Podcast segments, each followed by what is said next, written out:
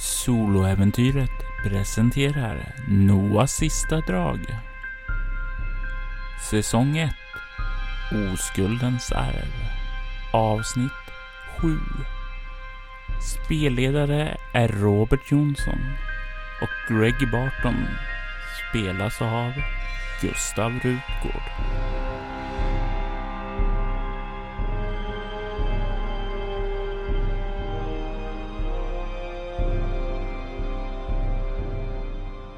Mordmisstankar. En död farbror. Min ofödda kusin. Så mycket känslor. Men det här. Nakenbilder. Bilder på en förtryckt, en rädd Vanessa. Såklart att Jane blir upprörd att hon lämnar platsen men det känns inte som det här är någonting som Vanessa ställde upp frivilligt på. För det mesta i alla fall. Eller ibland, jag vet inte. Hon känns förkrossad. Och sen uppe på det, David som står och kollar in som en gammal äckelgubbe på de här bilderna. Nej. Alltså, var det här verkligen din vilja? Var det verkligen så här du ville att din testamentupplösning skulle gå till? Jag har så svårt att tro det. Nej. Det måste vara något annat som pågår här. Jag måste försöka vara alert. Ta reda på vad det är som händer. Det är dags för den tredje prövningen nu. Även om utgången inte kanske är det viktigaste. Huruvida jag är den som vinner eller inte. Men eh, om Thomas vinner igen. är svårt att tro att det skulle vara skicklighet. Eller ett sammanträffande. Regnet har gjort vägen upp hit sämre. Det är otryggt att köra här. De som funderat på att lämna sitter nu fast här om de inte vill riskera både ett och annat för att ta den branta vägen ned här som har blivit förvandlad till lervällning. Men det finns folk som inte tänker på att lämna. En del av dem är samlade nere i biljardrummet. Det åskar till. Och Jonathan Lance kliver ner för trappan med Vanessa i släptåg. Vad har Greg i kameleont? Greg har fyra. Du kan se att hon ser nästan bedövad ut av vad som hände tidigare. Men hon har inte skyggat undan. Det är som hon vill genomföra det här. Kanske inte så mycket för Tobias skull, utan mera för hennes skull. Hon går och sätter sig på en stol lite undan ifrån er andra. Och Jonathan kliver fram emot biljardbordet. När hon eh, kommer in så möter jag hennes blick och nickar mot henne. Du ser att hon bemöter din blick och du får väl eh, ser väl att det registreras på henne, men hon nickar inte tillbaka. Den tredje och sista prövningen utspelar sig här inne. För Tobias var biljardspel något för gentlemän. Och den tredje prövningen är att bevisa sitt kunnande i vad han kallade för ädelhetens sport. Han plockar fram en lapp ur fickan, vecklar upp den och sen börjar han att lägga upp kulorna i ett specifikt mönster. Inte alls den vanliga positionerna som kulorna brukar ligga på i biljard. Har Greg spelat mycket biljard? Greg är nog något bättre än medelmåtten på biljard. Han har, om det nu är så att Tobias gillar biljard, så har han eh, tagit med Greg vid ett antal tillfällen till Eh, jag vet inte. Han kanske har haft biljardbord i sin ägo i alla år. Och det är där de har spelat tillsammans. Snarare än på biljardcaféer och liknande. Vill du spendera en del av dina erfarenhetspoäng på specialiseringen biljard? Om det känns rimligt att eh, Tobias har funnit ett nöje i att spela med Greg. Det har han absolut kunnat tänka sig. I så fall ja. I så fall kan du skriva upp biljard på specialisering. Du kommer därmed att få använda två tärningar på denna prövning. Ja. Du ser hur Jonathan är klar med att lägga upp kulorna. Vad har du i okultism? Jag har ett. De ligger i ett pentagram. Mm. Men utifrån den position där du spränger så är pentagrammet upp och nedvänt. Okej. Och du ser hur Jonathan tar upp en lapp och kollar ned på den. Och så säger han Vanessa, det är du som börjar. Hon reser sig upp, spränger. Och du kan se att hon också verkar veta vad hon gör. Du kan se en del tekniker som Tobias lärt dig praktiseras av henne. Ungefär som ni båda hade haft samma läromästare. Mm. Dave spränger. Kulorna far åt alla håll, men de, ingen kommer ner i hålet. Desperat försöker han att kämpa och han blir allt mer frustrerad när han förklarar det här är ett jävla skitspel. Han förlorar mot Vanessa.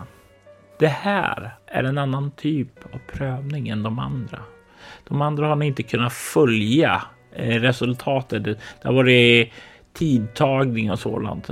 Och det är Jonathan som har hållit alla svar. Men här så ser ni i realtid hur det går. Martin spränger.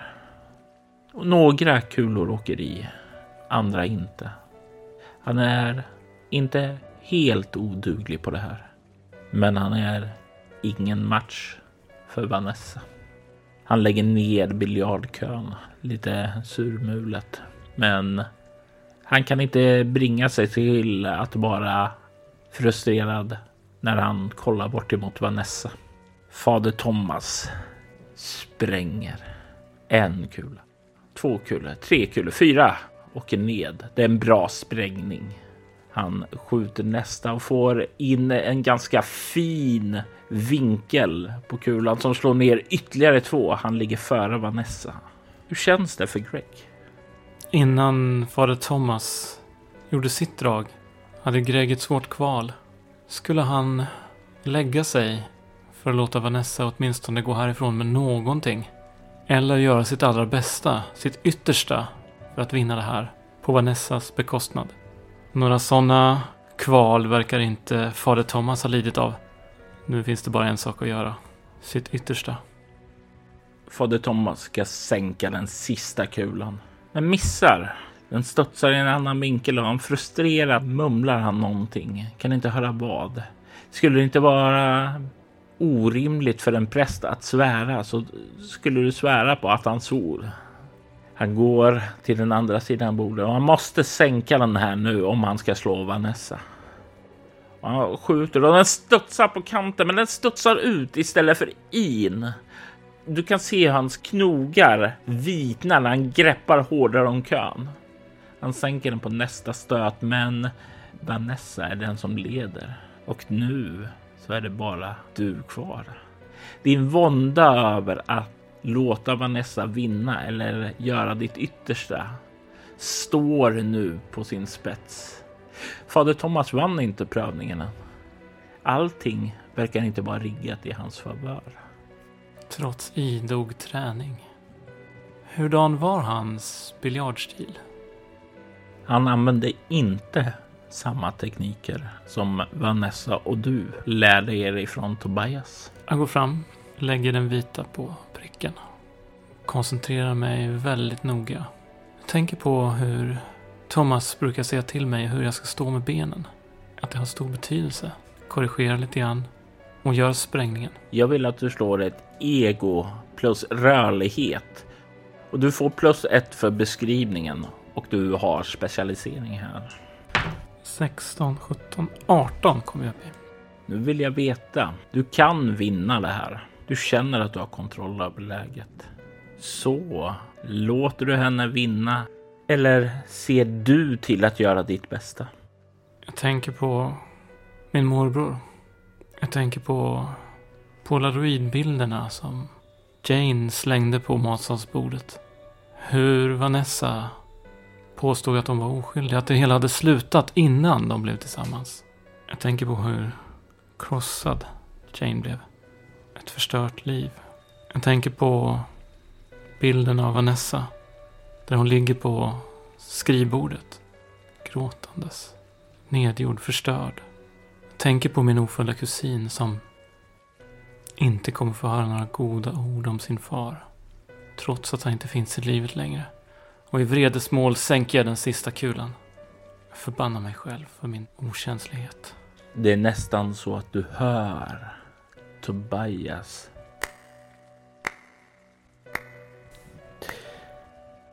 Du kan höra en suck ifrån Vanessa. Du kan höra dig muttra.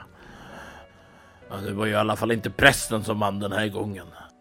Jag kollar på Tobias, men ser honom inte. Jag blir lite förvirrad. Så kollar jag på fader Thomas. Vad har han för reaktion egentligen? Han har ett ganska lugnt, avslappnat sätt. Han verkar inte förbannad över att ha förlorat. Det du såg tidigare, som du såg igenom hans blotta där för en liten sekund. Nu är röstningen öppen. Och ser det ut som om han är tillfreds. Jag får en olustig känsla. Jag tappar biljardkön som slår i marken med en skräll. Folket kollar på dig och Jonathan eh, kliver fram till dig, sträcker fram sin hand. Tittar på hans hand. Kommer på vart jag befinner mig och fattar den. Grattis! Eh, du står som segrare i den tredje prövningen. Han tar fram ett kuvert och sträcker fram den till dig. Jag tittar på det. Står det något på kuvertet? Det står ingenting på kuvertet. Jag öppnar kuvertet. Buktar lite grann för att se om det är vad som ligger där i.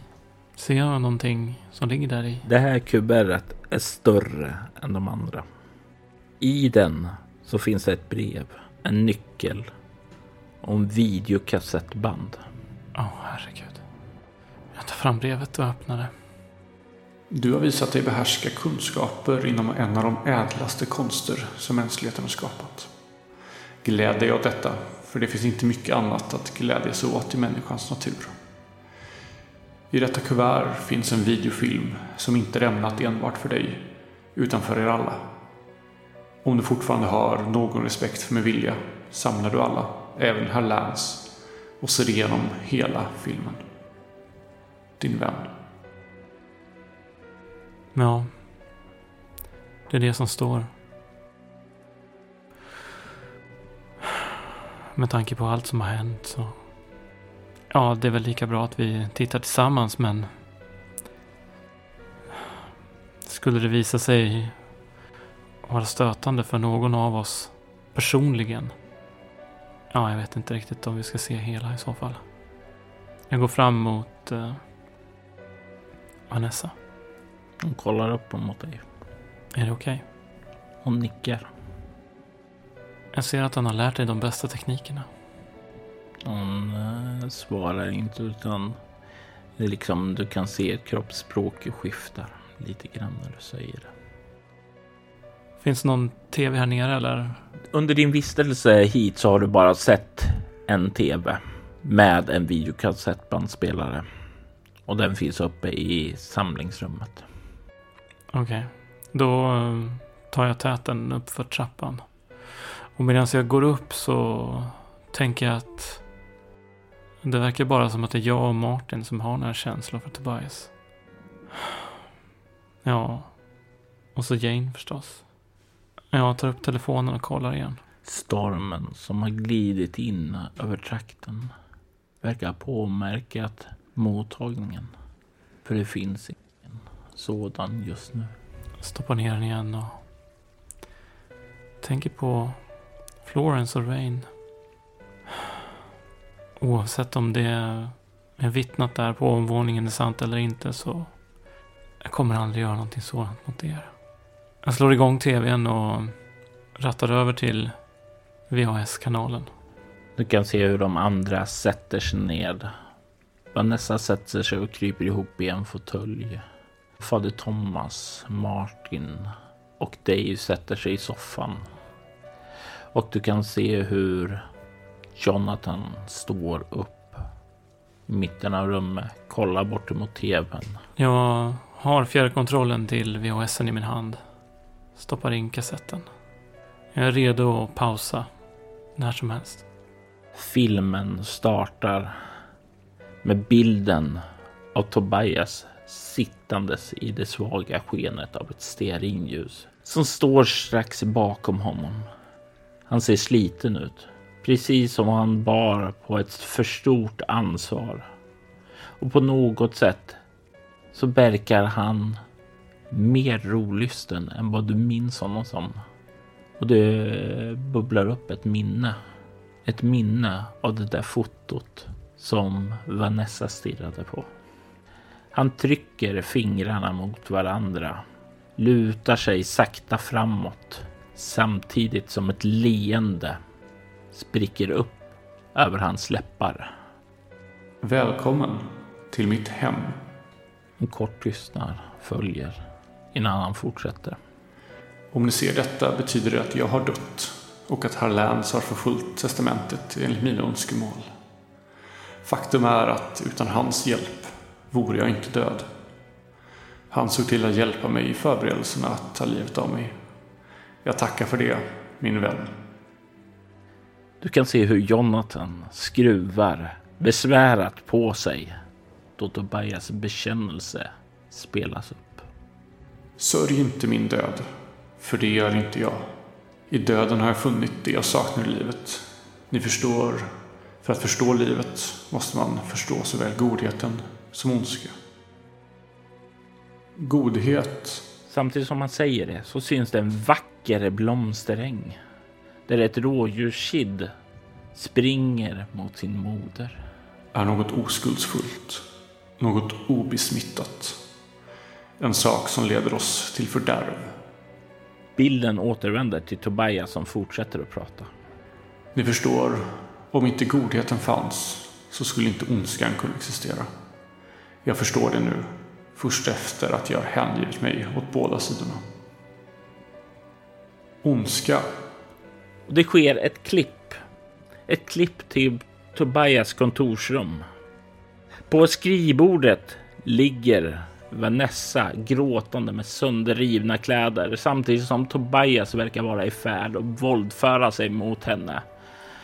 Du ser hur Vanessa drar upp sina knän mot ansiktet och håller för öronen. Är så mycket mer. Jag trycker på stoppknappen.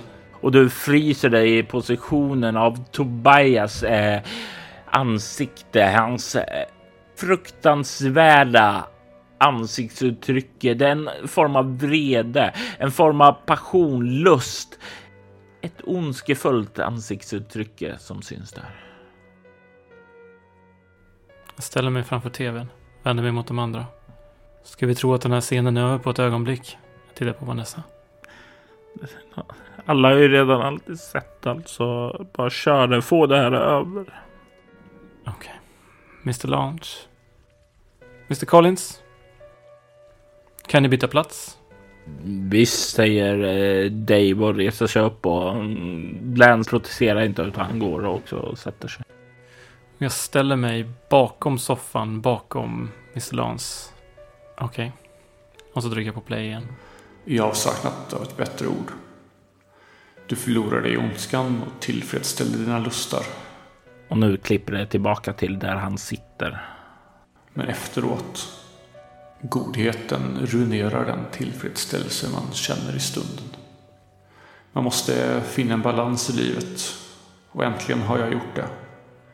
Jag hoppas att det jag ägde kommer er till nytta bättre än det gjort mig. Vanessa vet var nycklarna passar någonstans. Låt henne visa er. Och därefter så övergår det till sån här myrornas krigbrus. Ja, jag låter det stå på. Mm. Så um, Mr Lance, du assisterade min morbror alltså? Du hör när du säger det där plötsligt ifrån tvn ett raspig röst. Tobias raspiga röst.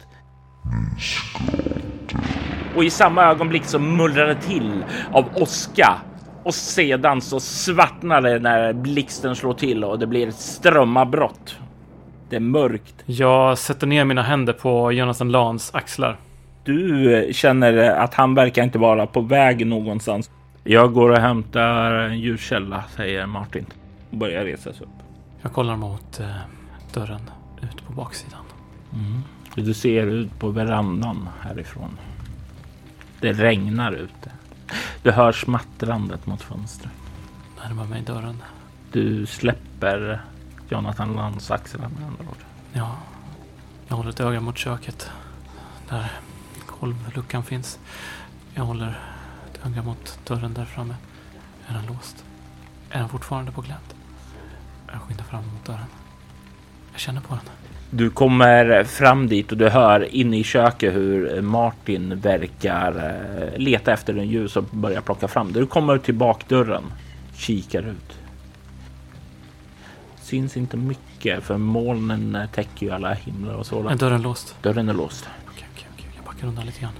Så att jag står så att jag ser dörren och kan se in i köket samtidigt. När du backar ut där så ser du eh, en ljuskälla tändas där och eh, du ser hur Martin har en ficklampa. Jag har inte ett vapen också eller? Nej, Okej. Bra. Kom. Eh, Vanessa, hon kollar upp ifrån sin fåtölj. jag antar att nycklarna passar någonstans här i huset. Vi måste ner till biljardrummet igen. Okej. Hon reser sig upp och du kan se hur Dave och fader Thomas Mitchell följer efter henne. Jonathan reser sig sakta upp. Du kan se som han har en eh, ja, världens börda på sina axlar. Han ser trött, störd och hemsk ut. Jag avvaktar. De andra får gå förbi. Jag släpper inte ögonen från Jonathan Lance. Om någon ska ha fått instruktioner av att döda oss alla så är det väl han. Vad gör han? Han börjar gå. Och om du inte ställer dig före så går han förbi dig och följer efter de andra. Jag kliver fram. Hur känns det? Han eh, suckar. Ja, hur tror du det känns? Hade du sett den här kassetten förut? Nej, Vi såg den aldrig till slutet. Jag tittar på honom. han stirrar med en blank blick tillbaka. Mm. Jag lutar mitt huvud lite grann åt sidan. Efter dig. Och när ni två kommer ner lite efter de andra så ser du att din sovplats, soffan, dras åt sidan.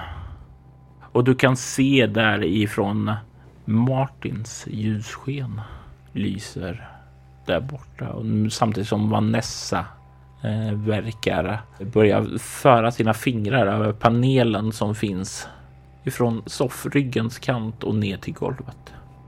När du kommer ner dit så gör Martin en gest åt dig. Kom hit. Jag går bort mot honom. Och han tar fram och räcker en ficklampa till dig. Jag tar emot. Vanessa verkar efter en stund hitta någonting där.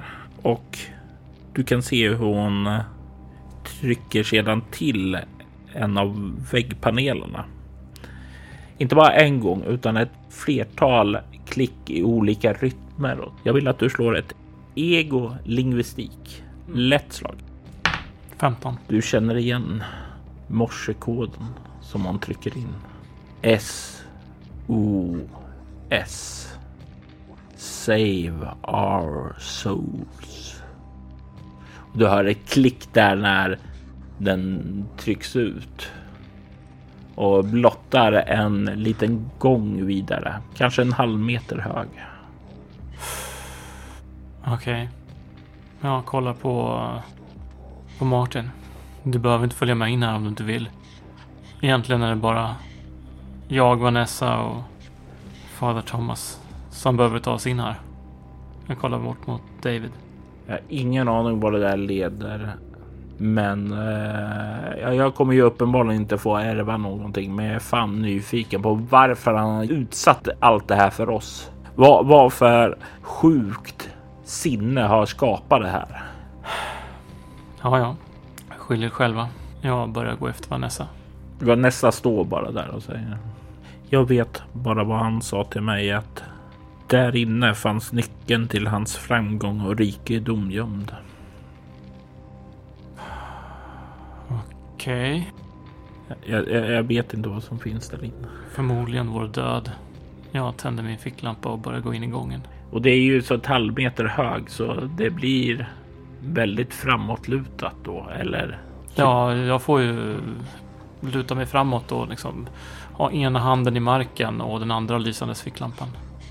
Du hör bakom dig hur fader Thomas fortsätter och därefter Dave. Martin sist. Gången leder tio meter in och verkar öppna upp sig till ett rum där. Du kan se från fackelskenet att det finns en kista där inne och att det verkar ligga någonting på det. Okej, jag lyser på den. Och i samma ögonblick som du lyser på det så känner du en kall vind komma därifrån och sveper igenom dig. Jag vill att du slår ett egoskräckslag. Svårighetsgrad 7. För det borde inte komma någon vind där inifrån. 11. Du får ingen skräcknivå, men det känns obehagligt med en vind från ingenstans. Jag stannar till. Jag eh, lyser på kistan. Vad är det som ligger där uppe på den? Du ser att det ligger ett brev uppe på den. Finns det lås på kistan? Det finns tre lås på kistan. Okej, jag går in. Du kommer in i ett rum och rummet är ett två kvadratmeter stort rum där kistan står i mitten. Är det Thomas som är efter mig? Ja, Jag låter Thomas också komma in. Jag lyser på kistan. Det ser ut som vi kommer behöva samsas om det här. Ja, precis som med det där brevet. Ska du eller jag öppna det? Öppna det. brevet öppnas. Det är nästan så att ni kan höra Tobias röst när det läses upp. Girighet, synd, maktbegär. Allt detta är jag skyldig till. Men jag har å andra sidan redan betalt för det. Annars skulle ni inte läsa detta brev. Era begär har fört er in i samma mörker där jag en gång befann mig. Frågan är om ni har den kraft som krävs för att hejda det ni frigjort. Och vilket pris är ni beredda att betala? I kofferten finns mina samlade rikedomar. Ni tre som klarade prövningarna får välja fritt mellan de föremål som finns där i. Den som gick segrandes ut ur den första prövningen väljer först. Den som vann den andra väljer sedan och den tredje sist. Sedan upprepar ni samma turordning till sakerna är slut. När alla valt färdigt och det då finns något kvar i kistan är övriga välkomna att ta det de finner intressant.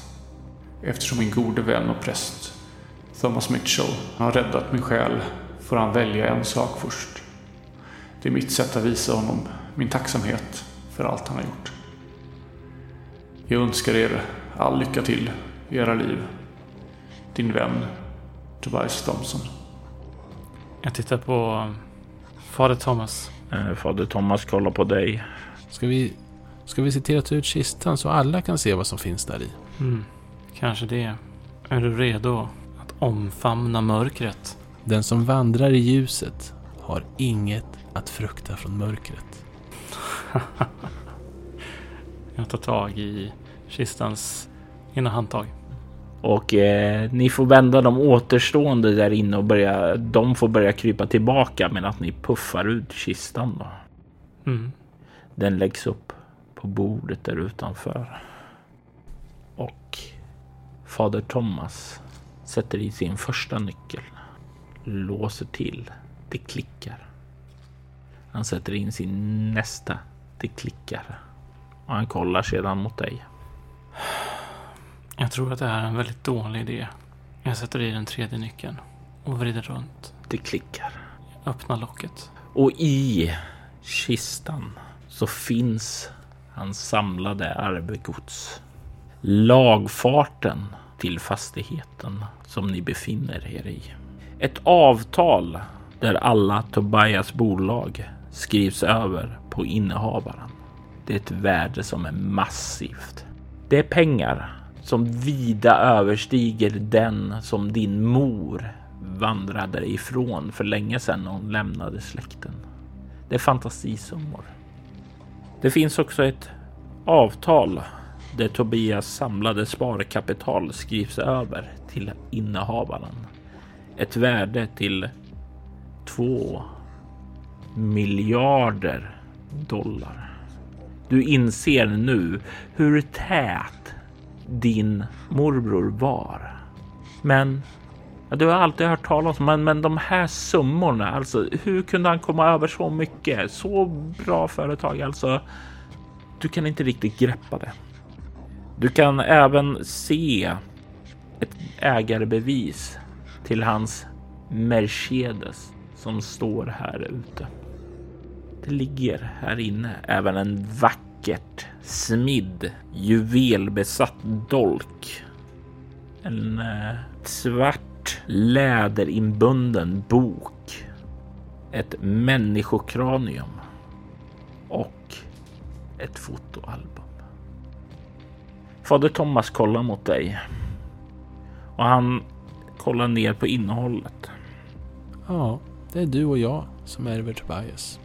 Ja, det ser ut som att du fick jackpotten. Du får välja först en, för att du är du som räddade hans själ. Sen får du välja ytterligare en eftersom du visste svaret på hans gåta. Och sen får du välja ytterligare en eftersom du så noga studerat vägen i labyrinten. Slutligen så räckte inte riktigt din övning till när det kom till biljarden. Ta ett kliv tillbaka.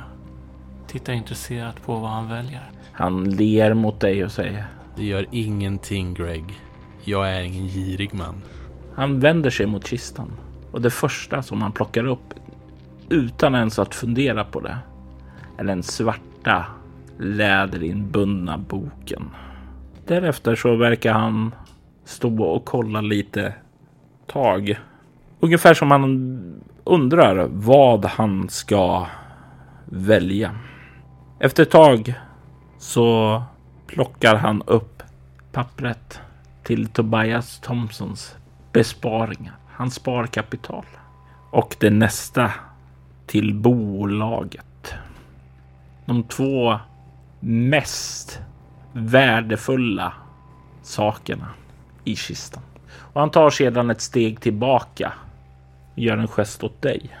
Kan se hur både Dave och Lance kollar lite, alltså förvånat på hur fader Thomas så girigt har plockat de tyngsta sakerna ur kistan.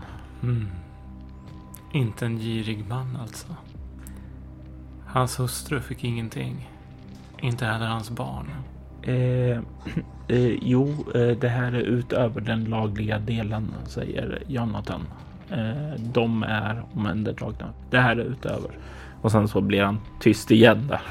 Jag kollar ner ett fotoalbum med en juvelbesatt dolk. Skulle den kunna vara vad som har skapat såren och djuren där ute i gropen? Du kan slå ett ego, medicin eller ego närstrid. Lätt slag. Åtta. Du tror inte det. Du tror den här är eh, mer en dolk. Det andra gjorde av en mer en modern kniv. Den här dolken ser gammal ut. Okej, okay. så nu får jag välja en sak. Sen får han välja två igen. Mm, en skalle. En Mercedes. Ett fotoalbum. Lagfarten till fastigheten. Jonathan? Ja? Om det skulle visa sig att eh, någon här har gjort något oförrätt mot Tobias. Du kan se hur han skruvar på sig när du säger det. Skulle det i så fall nullifiera dennes val ur kistan? Givetvis finns det möjligheter att överklaga bevis och det är ju inte okej okay att döda någon för att få ett arv. Det finns kraftiga juridiska precedens för att eh, säga att så inte är fallet. Nej. Så nej, du får inte. Han svettas lite när han liksom stammar fram det här. Man får inte mörda för att få ta del av ett testamente. Nej. Det känns ändå bra att du eh, har koll på de juridiska reglerna. Jag eh, sträcker mig ner och öppnar upp fotoalbumet när det fortfarande ligger kvar i kistan.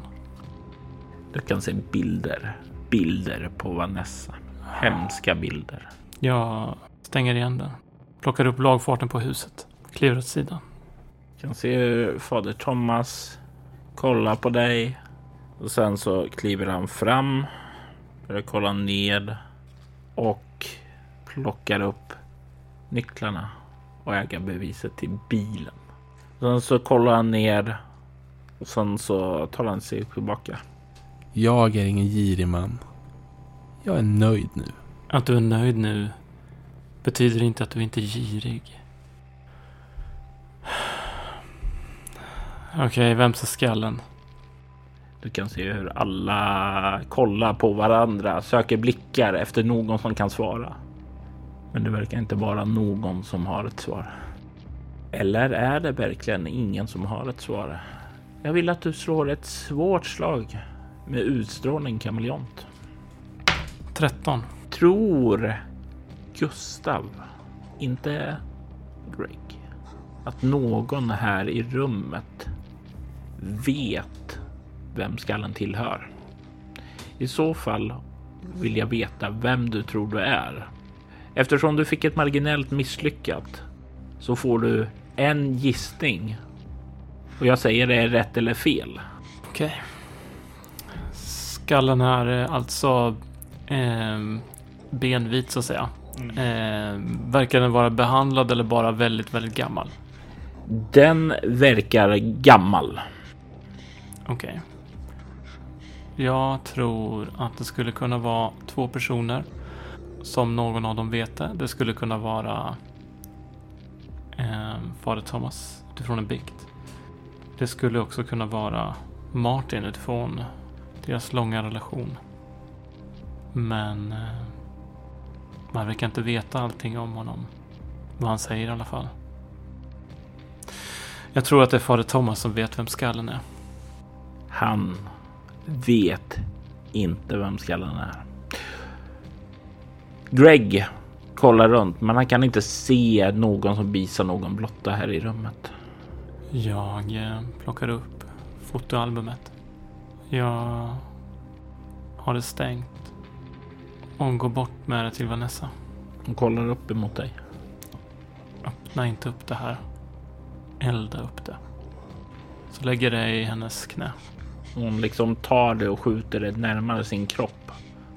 Hon gör som du säger. Hon kollar inte på det för hon förstår vad för hemskheter som finns där i. Jag kollar på fader Thomas. Verkar han återigen intresserad? Nej. Mm. Så det som återstår nu är alltså en skalle och en kniv. Stämmer det? Ja. Ja, David. Martin. De kollar emot dig. Jonathan. Vanessa. Vem av er vill ha skallen? Jag vill inte ha någon jävla skalle, säger David och ser surmulet och eh, du kan se hur Martin man skakar på huvudet. Och Jonathan säger jag är inte med i arbetet så jag ska inte ha något. Vanessa stryker fotoalbumet med sin hand.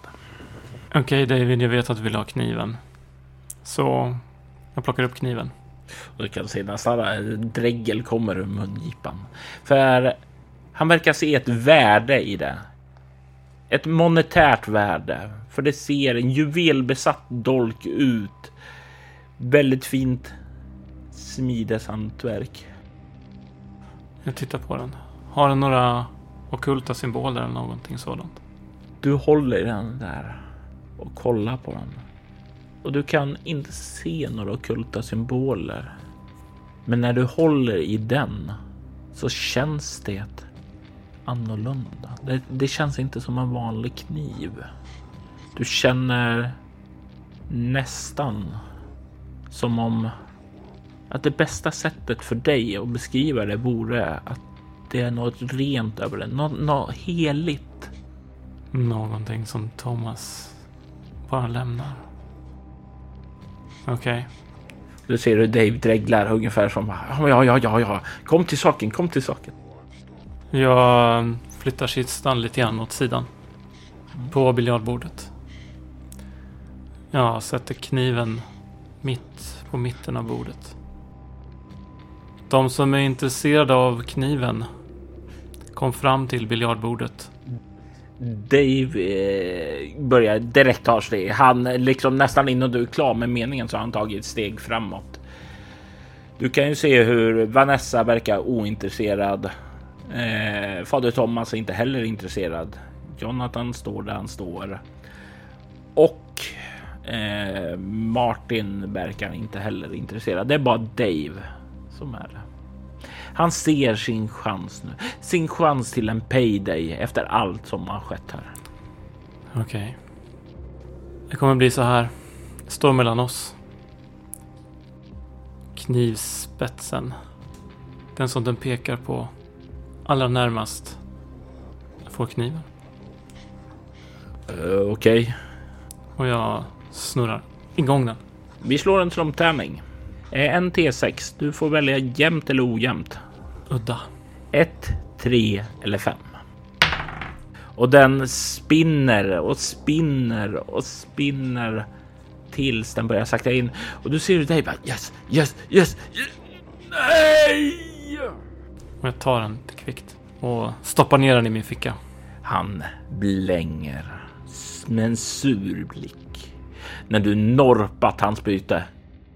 Inte bara du, utan ödet har bestulit honom. Tobias arv är utdelat. Ni står där. Källaren. Utanför hörs åskan och mullret. Och du kan inte låta bli att höra ekot av Tobias klappande händer.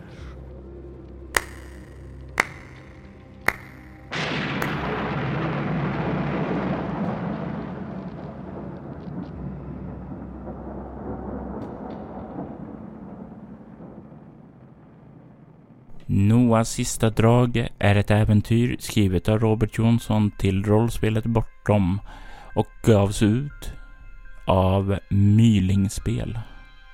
Statistroller i detta avsnitt är Johan Ström Helleberg som Fader Thomas Mitchell och Kristoffer Warnberg som Tobias Thompson. Avsnitten har redigerats av Robert Jonsson och Gustav Rutgård och ljudläggningen är gjord av Robert Jonsson.